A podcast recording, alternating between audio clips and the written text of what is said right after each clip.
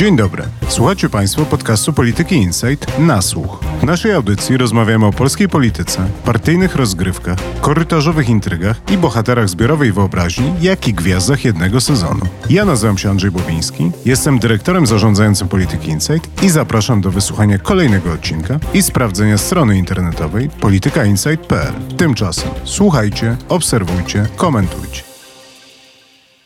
Jest środa 27 stycznia. W naszej nasłuchowej zapowiedzi roku rozmawialiśmy o tym, że ten rok będzie między innymi stał pod znakiem rozmów na temat jednoczenia się opozycji. Dużo czasu nie minęło, jeszcze wszystko się może zmienić, ale w ramach wygłaszania samospełniających się przepowiedni dziś postanowiliśmy porozmawiać z Wojtkiem Szackim i Ryszardem Uczynem o jednoczącej się opozycji. Tak jak w zeszłym tygodniu inspiracją do rozmowy o Jacku Kurskim był wywiad w sieciach z Jackiem Kurskim, tak dziś natchnął mnie do tej rozmowy tekst Tomasza Lisa w Newsweeku zatytułowany Piątka Tuska. Zapraszam na nasłuch. Panowie, kto chce się jednoczyć, kto nie chce, z kim chcą się jednoczyć ci, którzy chcą się jednoczyć, z kim nie chcą jednoczyć ci, którzy nie chcą się jednoczyć albo chcą się jednoczyć i dlaczego? Poświęciłem sporo czasu na badanie tego od strony Platformy, bo Platforma najczęściej chyba ustami Borysa Budki, ale również jego oponenta dawnego Grzegorza Schetyny mówi i postuluje zjednoczenie opozycji, przy czym w tych publicznych deklaracjach mówi się o jednym albo o dwóch blokach opozycyjnych. Oczywiście, jak mówimy o opozycji, to wyłączamy Konfederację z tej rozmowy, bo z nią nikt na razie się nie chce umawiać i jednoczyć. Więc zostaje tam kilka innych ugrupowań. No i Platforma mówi o jednym albo o dwóch blokach, z tym, że jak się ich pyta, jakie to mają być bloki i dlaczego albo jeden, albo dwa, no to tutaj się już pewne różnice zaczynają. Zdaje się, że establishment platformerski w osobie Borysa Budki i jego otoczenia chciałby, żeby to były dwa bloki, z tym, że w żadnym z wariantów nie byłoby zjednoczenia z lewicą. Oni by chcieli, żeby Platforma zachowała charakter partii centrowej i otwierała się na Hołownię i jego partię oraz na PSL. Natomiast lewica miałaby iść własną drogą pod postacią wspólnej partii SLD i Wiosna. Ryszard, to co na to lewica? Ja od czasu do czasu pytam polityków lewicy, jak oni podchodzą do tematu zjednoczenia. I są w tej sprawie podzieleni. Można w SLD czy w Wiośnie znaleźć fanów wspólnego z Platformą i Koalicją Obywatelską startu w wyborach. Natomiast w partii Razem już oczywiście takich fanów się nie znajdzie. Więc gdyby miał się realizować taki hipotetyczny scenariusz, którego nie chce Platforma że lewica miałaby mimo wszystko z tą koalicją obywatelską wystartować, no to to oznaczałoby rozpad lewicowej koalicji na 90 kilka procent. Czyli nie ma żadnego układu, w którym razem się jednoczy z kimkolwiek innym niż resztki wiosny i SLD? Raczej trudno mi to sobie wyobrazić. Oczywiście trudno mi było sobie wyobrazić to, że razem kiedykolwiek wystartuje z Sojuszem Lewicy Demokratycznej na jednej liście i potem znajdzie się jeszcze w dodatku w jednym klubie parlamentarnym. Natomiast myślę, że to byłoby jeszcze o duży krok dalej, żeby pójść ze znienawidzonymi wrazem liberałami. Przy czym z Platformą jest tak, że oni twierdzą, że mają własne skrzydło lewicowe, więc niepotrzebne jest im jakieś autonomiczne, cudze skrzydło Włodzimierza Czarzastego i Adriana Zandberga. Oni mówią o inicjatywie polskiej Barbary Nowackiej, o Zielonych, o pojedynczych posłach w rodzaju Franka Sterczewskiego czy Klaudii Jachiry, więc oni tę swoją lewą nogę budują w ramach Koalicji Obywatelskiej. Tutaj jeśli chodzi o lewicę, trzeba dopowiedzieć tylko jedną rzecz.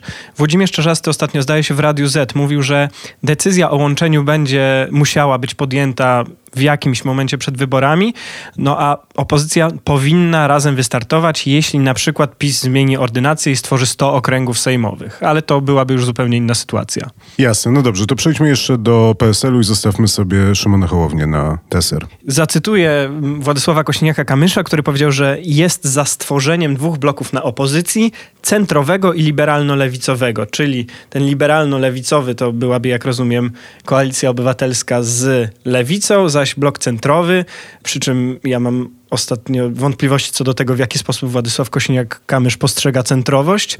Ten centrowy to byłaby Polska 2050 plus PSL. Koalicja Polska zapewne. Przepraszam. No dobrze, panowie, ale to zanim przejdziemy do Szymona Hołowni, bo ja już się pogubiłem. Jak my mówimy o zjednoczeniu opozycji, to mówimy o zjednoczeniu wszyscy na jednej liście, czy mówimy o różnych blokach i o różnych konfiguracjach? Bo tak naprawdę tak jak ja chyba rozumiem to zjednoczenie, no to, że wszyscy idą razem, że to jest taki obóz sanacyjny antypisowski, a nie po prostu przestawianie klocków w ramach budowania koalicji, które będą pokrywały jak największe połacie ziemi wyborczej. Znaczy, jeden z liderów Platformy powiedział mi, że taka wspólna lista wszyscy na jednego jest możliwa i dopuszczalna jedynie, gdyby PiS miał szansę na obronę samodzielnej większości i z różnych obliczeń sondażowo ordynacyjnych wynikałoby, że opozycja w każdej innej konfiguracji musiałaby pozostać opozycją. Więc zasadniczo nie ma żadnej chęci i wydaje mi się, że wynika to również z tego, co słyszę z PSL-u, z lewicy. Nie ma żadnej chęci wśród polityków, żeby stworzyć jedną wspólną, wielką listę. No dobrze, a jak jeszcze na to patrzy Szymon Hołownia? Szymon Hołownia na to patrzy dość enigmatycznie, ponieważ mówi, że dopuszcza powstanie przed wyborami dwóch, trzech bloków, czyli w zasadzie nie mówi nam nic, bo jakby powstały trzy bloki, a mamy cztery siły opozycyjne, o których rozmawiamy, no to w zasadzie mamy bardzo szerokie pole manewru. Ja myślę, że tutaj powinniśmy się zastanawiać przede wszystkim nad motywacjami, jakie Hołownia i jego Polska 2050 mogliby mieć do łączenia się i ja w tym momencie za dużo takich motywacji nie widzę, bo połączenie się, choćby tylko jedną tę kwestię weźmy, no zdecydowanie by osłabiło ten ich efekt świeżości, któremu i tak trochę zagrażają poprzez przejmowanie polityków z innych sił, ostatnio koalicji obywatelskiej, no ale to już byłby znacznie silniejszy efekt, moim zdaniem. My rozmawiamy o zjednoczeniu tak bardzo teoretycznie, a gdy przychodzi do spraw praktycznych, no to Platforma oczywiście mówi, że chciałaby się zjednoczyć, ale tak naprawdę prawdopodobnie chodzi o to, żeby to oni byli tą siłą dominującą, a na przykład, żeby taki Szymon Hołownia i jego partia byli sprowadzeni do roli właśnie inicjatywy polskiej, Zielonych czy Nowoczesnej, czyli żeby tam było ośmiu, może dziesięciu posłów w przyszłym klubie, a nie żeby to była siła równorzędna Platformie. No, Platforma po prostu chce być hegemonem po stronie opozycyjnej. To widać, liczy na to, że Polska 2050 do tego roku nie przetrwa, a może nawet nie przetrwa do wyborów w 2023. Więc my rozmawiamy o sytuacji tu i teraz, a to się będzie rozstrzygało najpewniej rok, pół roku przed wyborami. No dobrze, to tak. Wydaje mi się, że część praktyczną mamy za sobą i z niej wynika, że nic nie wskazuje na to, jakoby miało dojść do zjednoczenia opozycji. Ewentualnie jest taka możliwość, że dojdzie do połączenia się w ramach dwóch, a może trzech bloków, czyli tak naprawdę po prostu będzie to przestawianie wojsk i klejenie ze sobą rzeczy mniej lub bardziej sklejalnych.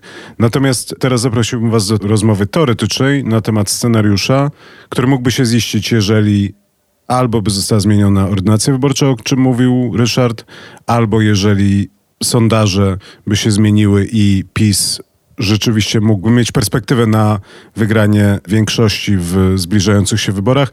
Ewentualnie jakby był bardzo duży nacisk społeczny na to zjednoczenie, no bo to jest coś, o czym nie rozmawiamy. Rozmawiamy o tym, jakie są pomysły i oczekiwania partii.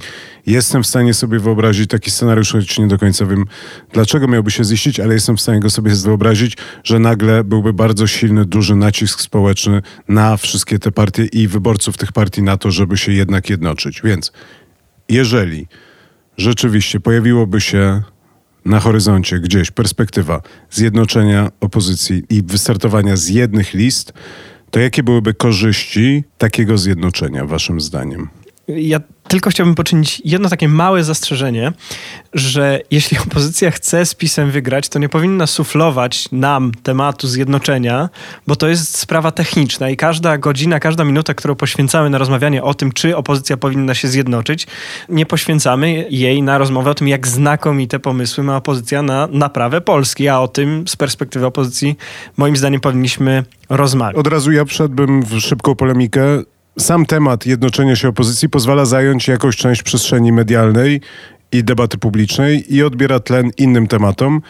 I sama ta rozmowa, czy kolejne teksty w różnych tygodnikach czy gazetach, okładki powodują, że my się zajmujemy tą opozycją. To znaczy fakt, że rozmawiamy o zjednoczeniu opozycji powoduje, że nie rozmawiamy na przykład o tym, jak świetnie idzie PiSowi program szczepień albo o innych tematach.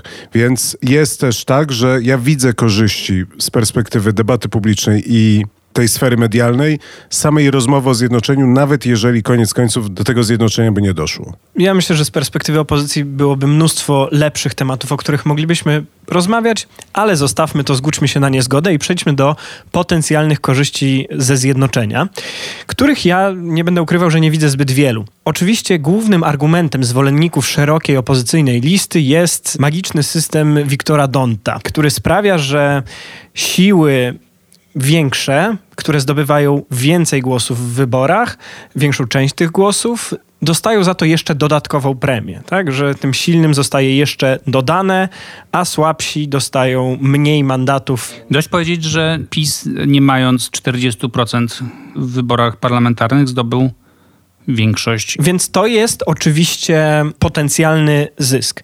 Jest jeszcze jedna rzecz, na którą powinny zwracać uwagę przede wszystkim małe partie, czyli w naszym przypadku Koalicja Polska. Bo o ile Koalicja Polska może obawiać się o przekroczenie 5% progu wyborczego, tego oficjalnego, no to jest jeszcze problem efektywnego progu, który w polskich okręgach jest zazwyczaj wyższy no jest po prostu wyższy niż te 5%.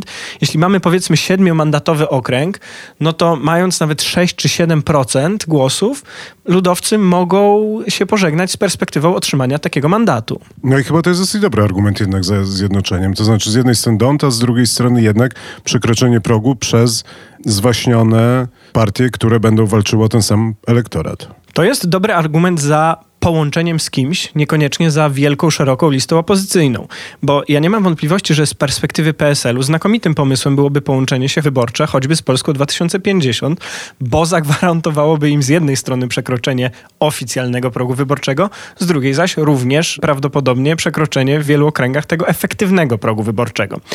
Natomiast właśnie spoglądając na perspektywę szerokiej listy, musimy zadać sobie pytanie, co w tym wypadku będzie przeważało. Czy będzie przeważał efekt zysku z odpowiedniego wykorzystania systemu Donta, czy też przeważy niechęć wyborców przeciwnych stron szerokiej koalicji do głosowania na siłę, która jest tak szeroka i ma w sobie również osoby, z którymi się nie zgadzają. Przepraszam, tu ci przerwy, Ryszard, bo o wadach zjednoczenia też chętnie porozmawiam w drugiej części. Wojtek, czy ty widzisz jakieś korzyści? Bo ja sobie wypisałem parę, więc jeszcze mogę wam podrzucać, ale może ty... A podrzuć coś. No, na przykład moim zdaniem, jedno to jest teoretycznie wyciszenie sporów i walka o ten sam elektorat. To znaczy, to jest uspokojenie konfliktu, przynajmniej czasowe, przynajmniej w momencie kampanii wyborczej, na linii Hołownia PSL, Hołownia Platforma, czy nie wiem, lewe skrzydło Platformy, a przykładowo Lewica. Nie przekonuje was to? Nie bardzo. To znaczy, historia pokazuje, że te spory wewnętrzne na listach między politykami konkurującymi o mandat są bardzo ostre zawsze i to nawet w ramach jednej partii. Natomiast gdy przyszłoby do ułożenia listy, gdzie powiedzmy na pierwszym miejscu byłby reprezentant Platformy, na drugim reprezentant Polski 2050, potem byłby jakiś PSL-owiec, koalicjant polski, czy na kolejnym miejscu posłanka nowoczesnej, później znowu ktoś z innej jeszcze partii. Wyobrażam sobie, że oni by bardzo ostro konkurowali, byliby dość łatwym celem ataków. I nie wiem, czy to wyborcy by kupili tak na poziomie okręgów. Ja sobie przypominam tę wielką koalicję opozycyjną na wybory europejskie no, oni przegrali z PiSem w wyborach, które były teoretycznie dla opozycji najłatwiejsze, bo PiS zawsze przegrywał wybory europejskie. Tylko logika polskich wyborów jest taka, że bardzo silna jest zawsze, praktycznie w każdych wyborach, konkurencja na listach w ramach jednej listy. I to nie jest coś, czego nie ma. To znaczy, to. Z, no tak właśnie naprawdę, o tym mówiłem. Ale tak zawsze jest i to nie powoduje, że ludzie nie głosują. To jest konkurencja, która napędza głosy, tak? To znaczy, że nawet konkurencja na listach Zjednoczonej Prawicy, rozumiem, powoduje, że Solidarna Polska bardzo mocno mocno gra na swoich kandydatów, porozumienie na swoich, a PiS na swoich i to powoduje, że więcej ludzi koniec końców teoretycznie głosuje na Zjednoczoną Prawicę. Być może, ale tu dochodziłyby jeszcze duże różnice ideologiczne i programowe między tymi kandydatami. Znaczy nie byłaby to tylko rywalizacja personalna, nawet brudna, nawet oparta na kampanii negatywnej, ale byłyby realne spory programowe, ideowe, ideologiczne, które zresztą PiS by umiejętnie podsycał. Tak jak to było w kampanii europejskiej. No dobrze, to mam następne. Szeroka lista opozycyjna pozwala wciągnąć środowiska pozapartyjne na listy wyborcze.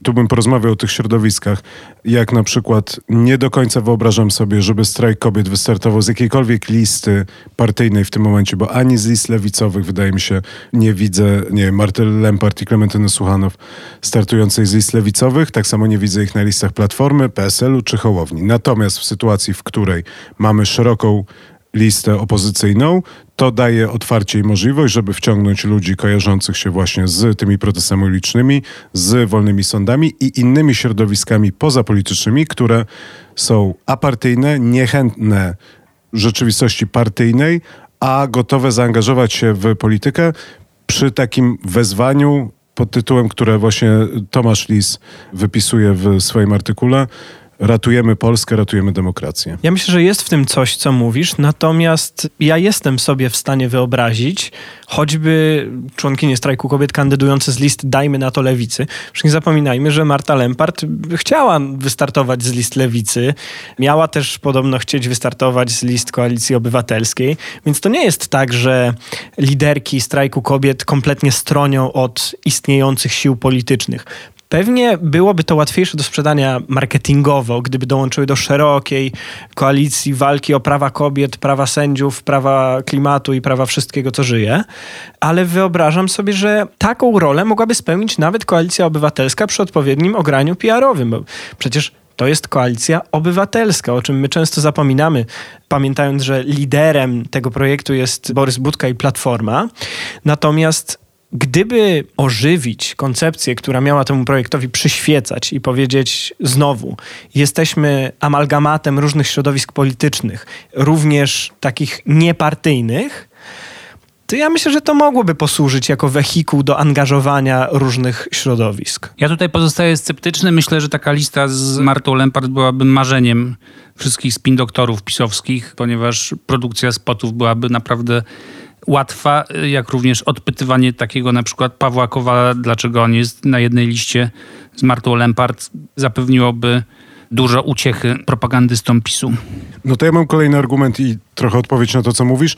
W takiej sytuacji rozumiem, że Paweł Kowal mógłby zawsze odpowiadać jednym prostym przekazem, który by mówili wszyscy politycy na tych listach, to znaczy różnimy się w kwestiach ideologicznych, różnimy się w kwestiach programowych, ale jest jedna rzecz, która nas łączy, to jest potrzeba sanacji, naprawy i odzyskania państwa. To jest jednak zaleta w polityce, i to jest pokazanie właśnie, że jest jeden przyświecający nam cel i tu dobrym przykładem moim zdaniem, jakkolwiek nie porównuję tych dwóch rzeczywistości, ale są te wybory amerykańskie, gdzie masz cały establishment demokratyczny od Berniego Sandersa po ludzi, którzy w naszej rzeczywistości byliby pewnie gdzieś, przynajmniej gospodarczo i ekonomicznie, bliżej, nie wiem, dawnej nowoczesnej czy Kongresu Liberalno-Demokratycznego i znajdują się oni na jednej liście i jednak w ramach odsunięcia Donalda Trumpa od władzy są w stanie zagłosować na jednego kandydata, który jest kandydatem czy liderem kompromisowym, bo jeden cel nam przyświeca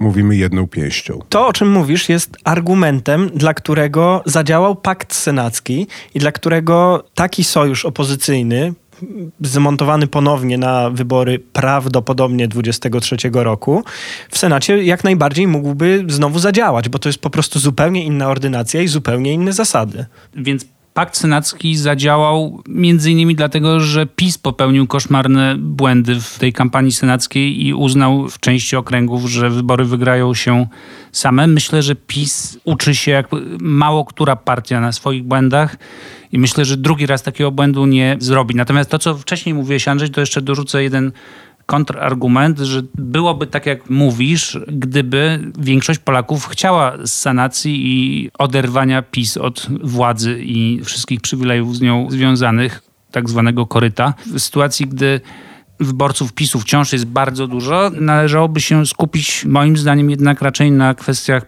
programowych, na wyszarpywaniu własnych wyborców i na budowaniu własnej bazy, a nie na tworzeniu takiego amalgamatu i wielkiej listy wszyscy na Jarosława Kaczyńskiego. No dobrze, to jeszcze mam dwie rzeczy i przejdziemy do VAT.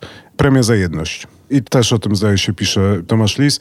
To znaczy, to jest sam fakt, że ludzie widzą, że jest grupa Polaków, których łączy jeden wspólny cel, co musi świadczyć o tym, że sprawa jest ważna i konieczna. No Tomasz Lis na pewno by zagłosował na taką listę, ale nie wiem, czy to byłaby ta premia za jedność, o którą mu chodzi. Ja nie bardzo wierzę w premię za jedność. Wracam jeszcze raz do tych wyborów europejskich.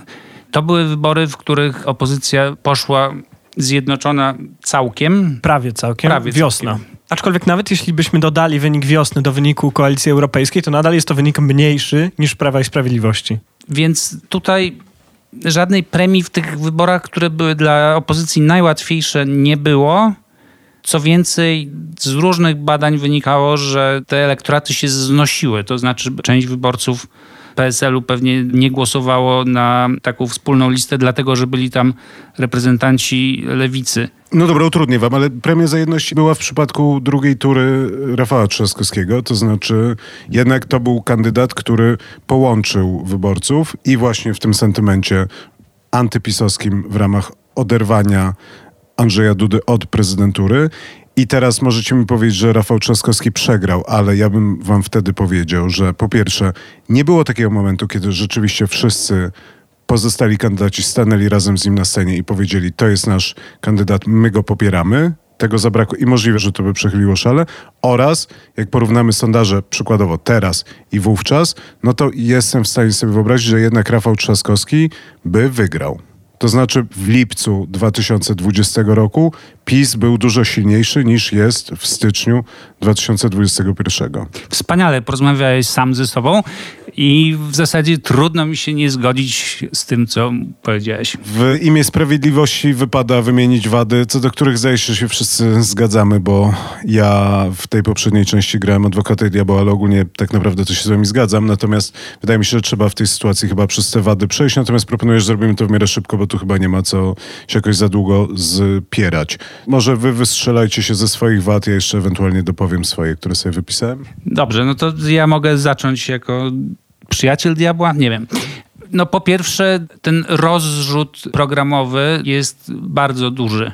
Bardzo trudno jest mi sobie wyobrazić jakąś ideę poza ideą odsunięcia PiS od władzy i powiedzmy naprawą sytuacji w telewizji polskiej, co do której pewnie wszyscy mieliby podobne zdanie. Polityka zagraniczna, wymiar sprawiedliwości. Polityka zagraniczna pewnie tak, tylko że to słabo emocjonuje Polaków.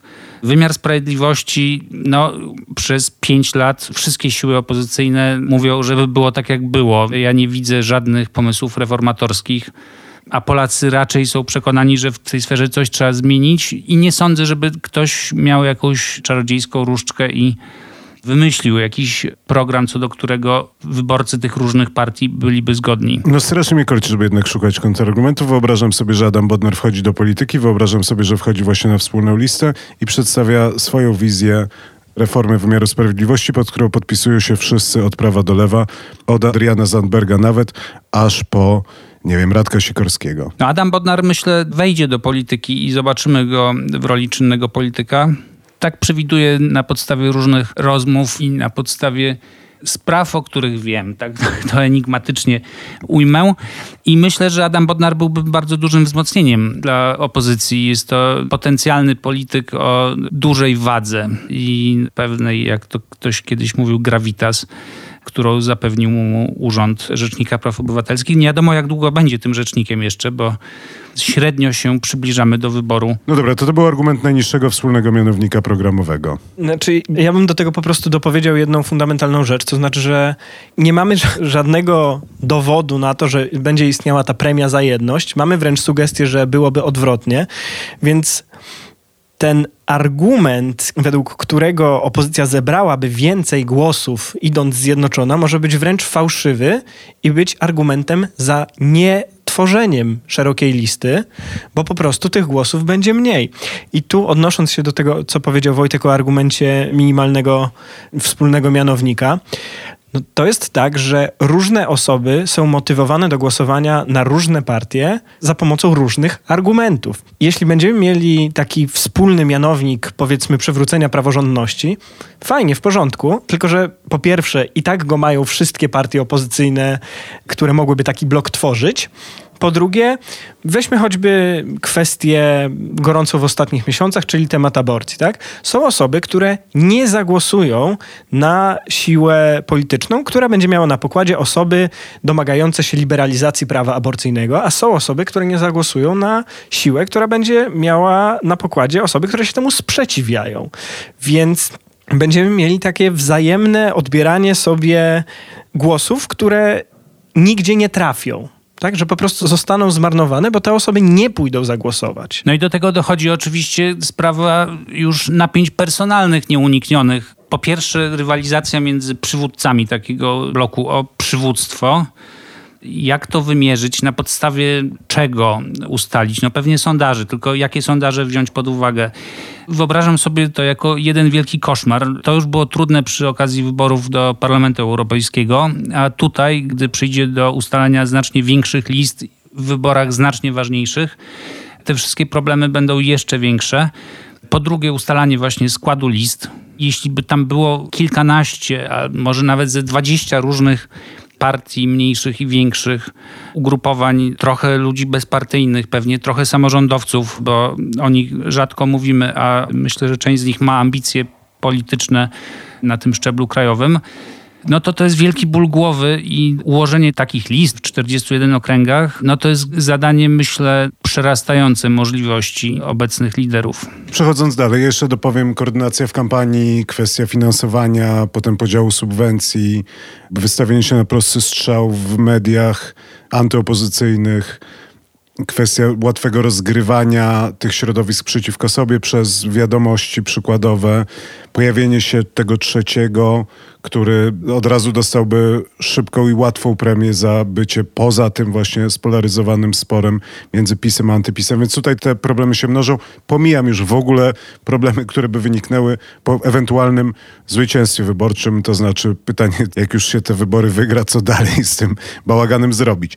Ale jeszcze wracając i zmierzając ku końcowi, i mając świadomość tego, że wy pewnie macie rację i że mówicie z jakich pozycji realpolitik, znajomości o tej rzeczywistości, w której żyjemy, ale czy nie jesteście sobie w stanie wyobrazić takiego scenariusza troszkę wydumanego, ale może jednak jakoś tam możliwego, że właśnie rozmowa o tym programie, rozmowa o budowaniu wspólnoty, wielka rozmowa Polaków na temat programu takiej listy opozycyjnej mogłaby zająć dosyć dużo miejsca i przestrzeni. To jest trochę pomysł, z którym swego czasu chodził Kuba Wygnański pod hasłem Republika Tysiąca Dni, potem to była Republika 900 Dni. Podejrzewam, że zbliżamy się do Republiki 800 Dni. Znaczy sam ten moment jednoczenia można wykorzystać politycznie, żeby właśnie pokazać z jednej strony inną debatę publiczną, skupienie się na ważnych tematach, szukanie jakiejś jedności wspólnego mianownika, potem kwestie tych list można ograć wielkimi jakimiś prawyborami, to też ty mówisz o, o, kwestiach sondażowych. Jestem w stanie sobie wyobrazić, że wszyscy wyborcy, którzy deklarują się jako potencjalni wyborcy tej listy, zapisują się, a następnie głosują w takich prawyborach i dzięki tym prawyborom, czy przez te prawybory, następnie ustala się nie kto, ale po prostu kolejność na listach. No i dalej drugim etapem tych prawyborów są wybory właściwe. Więc zupełnie inne podejście do tego, pomyślenie i o tym też gdzieś tam pisze list. To znaczy on mówi o tym, żeby nie ugrzęznąć, czyli to, co my zrobiliśmy, nie ugrzęznąć w problemach i technikaliach tego, jak to zrobić, tylko żeby zacząć od samego pomysłu, zacząć od wrzucenia tego tematu, a następnie zacząć budować dookoła tego jakieś takie, teraz ja użyję słowa skądinąd, momentum. Ja mam trochę problem z tym pomysłem, dlatego że dyskusje na bardzo wiele tematów musiałyby z konieczności spełznąć na niczym. Żeby odejść od tematu aborcji, to weźmy choćby temat podatków, tak? Mielibyśmy siły, pewnie nowoczesną, która argumentowałaby za wprowadzeniem podatku liniowego, z kolei lewica chciałaby większej progresji podatkowej, tak? realnej progresji podatkowej w ogóle. Jaki jest wspólny mianownik? No nie ma żadnego kompletnie. Więc mielibyśmy raczej pokaz niezgody i różnych wizji, jak reformować państwo. Dlatego jeśli ja coś tutaj podobnego do tego, o czym ty mówisz, mógłbym widzieć, to moglibyśmy zobaczyć na przykład porozumienie opozycji co do minimalnego wspólnego mianownika, o którym rozmawialiśmy wcześniej, tak? Na przykład naprawiamy Trybunał Konstytucyjny w taki i taki sposób, tak? To jest podstawa. Na przykład robimy co możemy, żeby poprawić pozycję Polski w Unii, tak? Różne tego typu rzeczy, które raczej nie wzbudzają kontrowersji, a pokażą, że obóz antypisowski w wielu rzeczach się zgadza i nawet jeśli nie będzie się zgadzał nigdy co do podatków czy aborcji, to że razem, dajmy na to w ramach koalicji powyborczej, jest w stanie reformować kraj. Przy czym te elementy i pomysły, które ty wymieniłeś jako sposób na sklejenie tej wielkiej listy oraz przezwyciężenie tych technicznych kłopotów, które ją niechybnie czekają, to można oczywiście wykorzystać. Znaczy, ja bym chciał, żeby politycy opozycji mieli na tyle odwagi, brawury wręcz, żeby odejść od tych tradycyjnych sposobów tworzenia list wyborczych i pójść na przykład w stronę prawyborów. Ja jestem wielkim fanem pomysłów, które by zapewniły jakoś większy udział obywateli w procesach demokratycznych. Jakaś forma prawyborów, jakaś forma otwartych spotkań od dołu po samą górę. Tylko, że ja nie wiem, czy to obecne kierownictwo w poszczególnych partiach jest na to gotowe i czy byliby w stanie przezwyciężyć też naturalny opór swoich partyjnych dołów. Po pierwsze, czy chcieliby, a po drugie, czy mieliby siłę. Ja powiem więcej, ja nie widzę nikogo, kto mógłby to zrobić. To znaczy, jedyna osoba, która rzeczywiście próbuje, a może to są dwa środowiska polityczne, no to jest Szymon Hołownia, który rozumiem, że w ten sposób trochę próbuje siebie budować i też tak jak ja to rozumiem, to dokładnie w ten sposób on próbuje ogrywać te różnice programowe w ramach ugrupowania, które tworzy i łączyć Hannę Gil-Piątek z Jackiem Burem, tak? Mówiąc oględnie. To jest jedna osoba, a dwa to jest coś dosyć ciekawego, co nie wiem, w którym jest teraz miejscu, ale coś, co się dzieje wokół właśnie strajku kobiet. Zupełnie nie mam pojęcia, jak to się toczy, ale jakieś takie fragmenty demokracji deliberatywnej, czyli szukania porozumienia pomiędzy różnymi osobami, które wyszły na ulicę w niezgodzie na to, jak Polska wygląda, w jakim kierunku zmierza, ale przede wszystkim z racji na ten wyrok Trybunału. W takiej właśnie sferze czysto teoretycznej ja nie mam tak, że to jest kompletnie niewyobrażalne. Tutaj potrzebny byłby lider i to jest ten moment, gdzie będziemy kończyć i chciałem was zapytać o to, czy wy widzicie takiego lidera? Kto takim liderem mógłby być? Czy to musi być jedna osoba? Czy to może być jakieś kolegialne przywództwo? No, Tomasz Lee wskazuje na Donalda Tuska. Nie wiem, jak wy widzicie Donalda Tuska w tej roli. No, Donald Tusk jest niewątpliwie najwybitniejszym politykiem tej części sceny politycznej od pewnie 20 lat. Ale ja nie ukrywam, że ja mam osobiście wrażenie, że jego czas w bieżącej polityce minął. Zdarza mu się dawać sygnały, że chciałby wrócić. Czytałem teraz na świeżo jego wywiad, bodaj grudniowy z Newsweeka, w którym on mruga okiem, że jeszcze być może kiedyś się w polskiej polityce pojawi. Ale czy ja go widzę jako patrona wielkiej listy, mm, no takie patronaty się średnio sprawdzały. Znaczy, jeśli on nie zaangażuje się, i tutaj kradnę chyba twoją myśl, Andrzej, sprzed jakichś kilku tygodni, jeśli on się nie zaangażuje z całą mocą to i tak wyborcy wyczują, że to jest takie nic. No, Aleksander Kwaśniewski był bardzo lubiany, był patronem listy lewicowej, która zdaje się w ogóle nie weszła do Sejmu. Były takie jedne wybory. Później był, zdaje się, patronem jakiejś innej inicjatywy po stronie lewicowej, która też nic nie osiągnęła. Więc nawet politycy z olbrzymim mandatem społecznym, z olbrzymim talentem, jak już wypadają z tej czynnej polityki, to do niej nie wracają. I nie przychodzi mi do głowy nikt, kto by wrócił. To znaczy, nawet powiedzmy, Jarosław Kaczyński zniknął na lata, ale on zniknął z parlamentu, ale on nie przestawał pracować nad tą swoją partią Porozumienie Centrum. Ona jakoś tam jednak funkcjonowała. No Lech Kaczyński może najbardziej. No, Lech Kaczyński nigdy nie. Kiedy on zniknął? Był szefem NIK-u w latach 90., a potem stał się ministrem sprawiedliwości. No tak, ale ja kiedyś jednak żyłem w takim przekonaniu, że NIK to jest urząd administracyjno-urzędnicze, a nie polityczne, no ale rozumiem, że byłem naiwny. No ale był w Polsce i miał ważnego brata. Ja może wrócę do czasu i miejsca akcji, w którym się znajdujemy, czyli Polski Anno Domini 2021 i spojrzę na pulę potencjalnych liderów, jaką mamy. Ostatnio był sondaż dla Rzeczpospolitej, która zapytała, kto jest liderem opozycji. Delikatnie można rzecz powiedzieć, że nie było jednoznacznego lidera że lider się po prostu w tym sondażu nie pokazał. Na pierwszym miejscu był Borys Budka, którego w tej roli widzi nieco ponad 12% respondentów. Ale tu się wtrącę, że to jest wielki awans, bo w poprzednim sondażu Rzeczpospolitej to było 2%. Więc jeśli w tym tempie będzie rósł, to już za parę miesięcy będzie miał 50. Ja myślę, że to jest tak, że lider Platformy Obywatelskiej ma w takim sondażu po prostu miejsce trochę z urzędu i więcej osób zauważyło, że Borys Budka jest liderem Platformy Obywatelskiej i go po prostu w tej roli ustawiło. Drugi 9% Rafał Trzaskowski, którego ruch przepraszam, nie pamiętam już teraz nazwy, co jest zdaje Wspólna się... Polska. Wspólna się. Polska, co jest zdaje się doskonałą recenzją prac tego ruchu. Ten ruch po prostu nic zupełnie nie robi, co my byśmy widzieli, więc y, podejrzewam, że po prostu nie robi nic.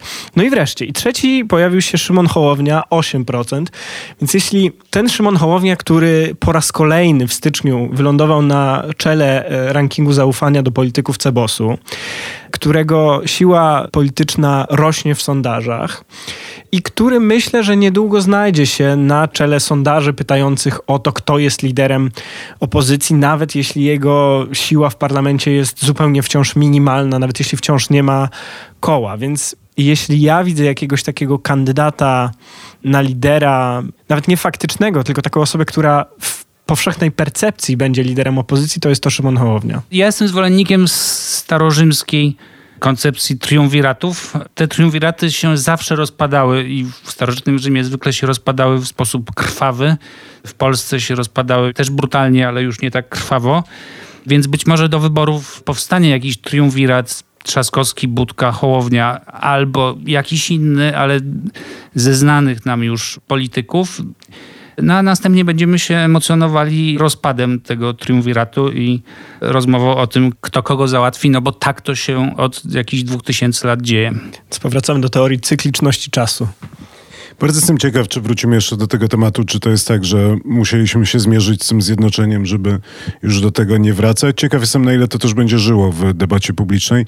Ja na koniec bym powtórzył trochę swoje, to znaczy ja uważam, że sama koncepcja nie jest kompletnie idiotyczna, natomiast ona by wymagała, żeby wyjąć z niej polityków i musieliby to zrobić ludzie, którzy politykami nie są, więc zdaje się, że to jest warunek niespełnialny, no bo jednak proces jest polityczny i dotyczyłby partii politycznych, co jest jakaś taka kwadratura koła, która jest po prostu nierealna i niewyobrażalna. Ale no co tu dużo mówić. No pytanie do was, czy myślicie, że jeszcze będziemy o tym rozmawiać? To szybkie ćwiczenie z przewidywania przyszłości, czy do wakacji wrócimy do tematu zjednoczenia opozycji, czy to jest tak, że jest taki moment teraz, ale za chwilę już przejdziemy na inne tory i też po prostu debata publiczna ucieknie nam gdzie indziej. No ja myślę, że będziemy cyklicznie do tego wracali wraz z kolejnymi sondażami, wraz z kolejnymi pomysłami tekstami, wypowiedziami liderów. Myślę, że to się będzie mieliło, mieliło aż się jakoś zmieli. Ja osobiście myślę, że skończymy z dwoma listami opozycyjnymi, jakbym miał tak daleko sięgać w przyszłość. Tak, ja też jestem przekonany, że będziemy jeszcze długo, długo o tym dyskutowali, natomiast sądzę, że pewnie bliżej realnych rozwiązań, a dalej od wirtualnej i zapewne nigdy nie mającej powstać wspólnej, szerokiej listy. Super, dziękuję bardzo. Przepraszam, że was tak męczyłem. Dzięki. Dzięki. Na dziś to wszystko. Na kolejny odcinek na słuchu zapraszam za tydzień. A w międzyczasie posłuchajcie naszych innych podcastów, które znajdziecie w najważniejszych serwisach podcastowych: Spotify, Apple, Google, SoundCloud i aplikacji Radia Tok FM. Pole wyszukiwania wpiszcie po prostu Polityka Insight. Słuchajcie, obserwujcie, komentujcie. Do usłyszenia.